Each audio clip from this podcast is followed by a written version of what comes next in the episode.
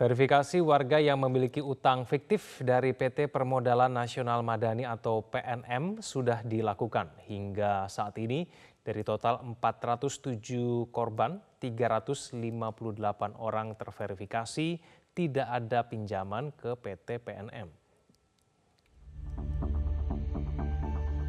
Usai mencuatnya kasus ratusan warga yang mendadak ditagih hutang dalam kasus pinjaman fiktif di Desa Sukabakti, Kecamatan Tarogong Kidul, Garut, Jawa Barat yang ditagih oleh pihak PT Permodalan Nasional Madani atau PNM, pihak kepolisian Garut melakukan pendalaman dan meminta keterangan terhadap para korban dengan sistem sampling masing-masing tiga orang di setiap kelompok. Para korban dikumpulkan di aula desa untuk dimintai keterangan anggota Satreskrim Polres Garut. Ironisnya, dalam verifikasi itu, pihak PT PNM tidak hadir. Keterangan salah satu korban, Imas Ribudianti mengaku hari ini dirinya sudah dimintai keterangan mengenai permasalahan pinjaman fiktif, di mana dari seluruh korban terbagi menjadi 16 kelompok. Dari hasil verifikasi itu, pihaknya dinyatakan meminjam uang dan diketahui ketua kelompok, namun Ima tak mengetahui apa-apa terkait hal tersebut, bahkan tak mengenal ketua kelompoknya.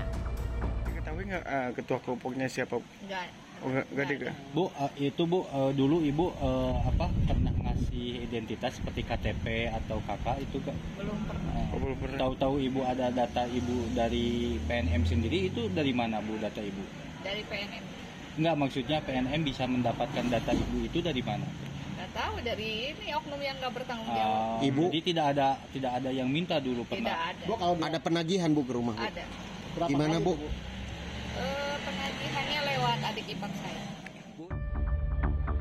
Sementara itu, Kapolres Garut AKBP Rohman Yongki Dilata mengatakan pihaknya terus melakukan klarifikasi dan meminta penjelasan dari PT PNM dan para korban untuk mengetahui perkembangan kasus.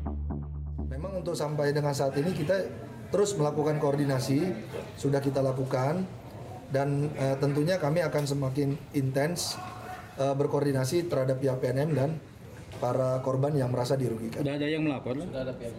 Sampai dengan saat ini kita belum menerima laporan.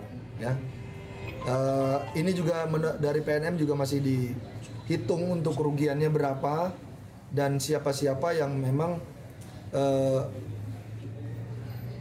menurut hasil dari klarifikasi mereka yang memang benar-benar melakukan pinjaman dan yang tidak melakukan pinjaman ini.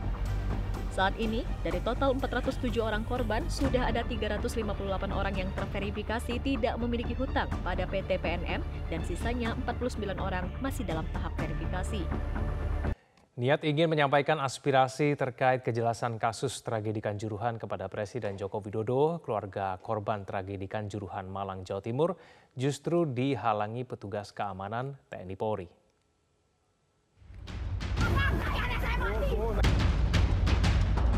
Keadilan buat anak kami. Bapak yang tidak sendiri ya, saya nggak sopan. Kenapa bapak? Bapak yang dia sopan, saya anak saya mati. Anak saya mati.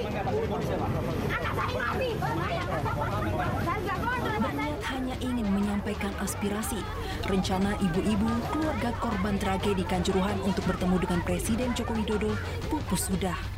Saya nggak kontrol, Pak. Saya diam. Saya nggak orasi, Pak. Saya nggak orasi. Saya nggak orasi, saya nggak- saya diam, Pak. Nggak orasi. Saya tidak bikin keributan di sini.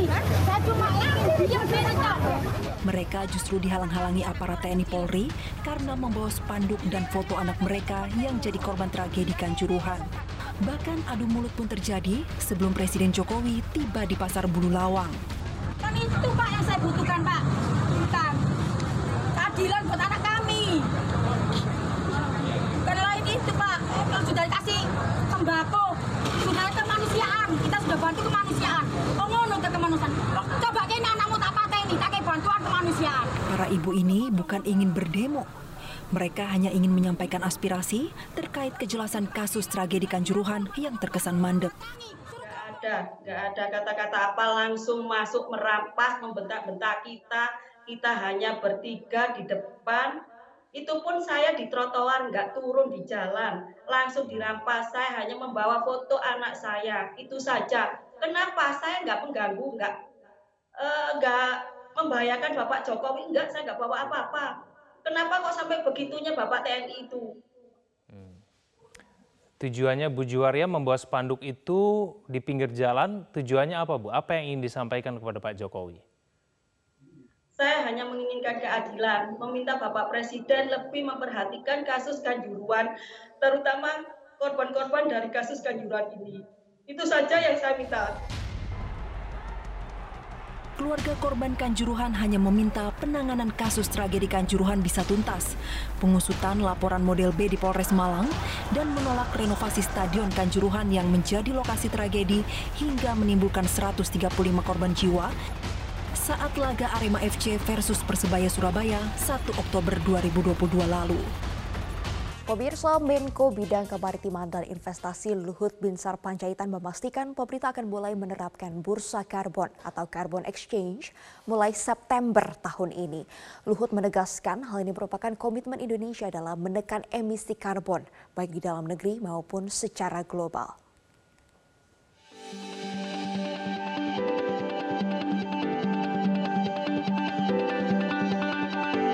Pemerintah akan mulai menerapkan bursa karbon atau carbon exchange mulai September tahun ini. Menko Bidang Kemaritiman dan Investasi Luhut Binsar Panjaitan menyebut penerapan carbon exchange ini merupakan bagian dari upaya peningkatan energi terbarukan dan mencapai emisi net zero pada tahun 2060.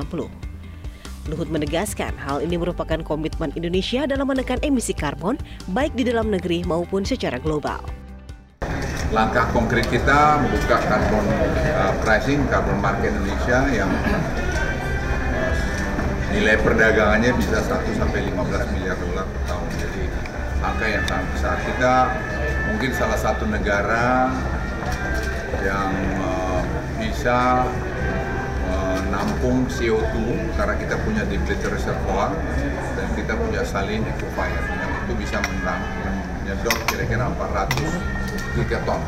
Jadi angka yang sangat besar. Jadi dalam pelaksanaannya nanti bursa karbon akan diawasi langsung oleh Otoritas Jasa Keuangan OJK.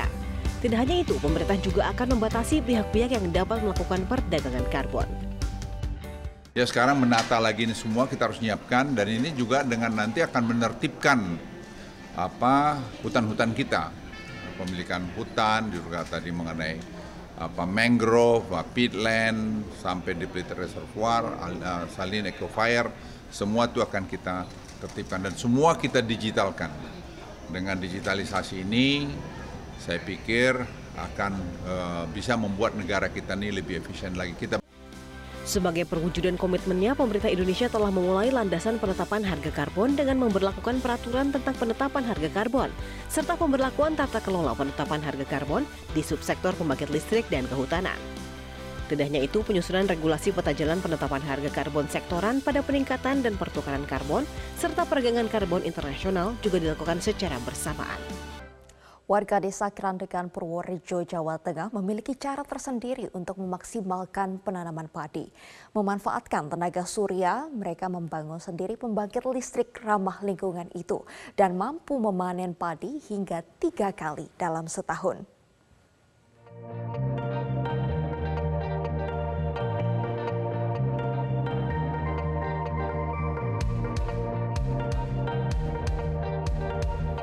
Pemanfaatan tenaga surya dimaksimalkan betul oleh warga desa Kerandegan, Purworejo, Jawa Tengah.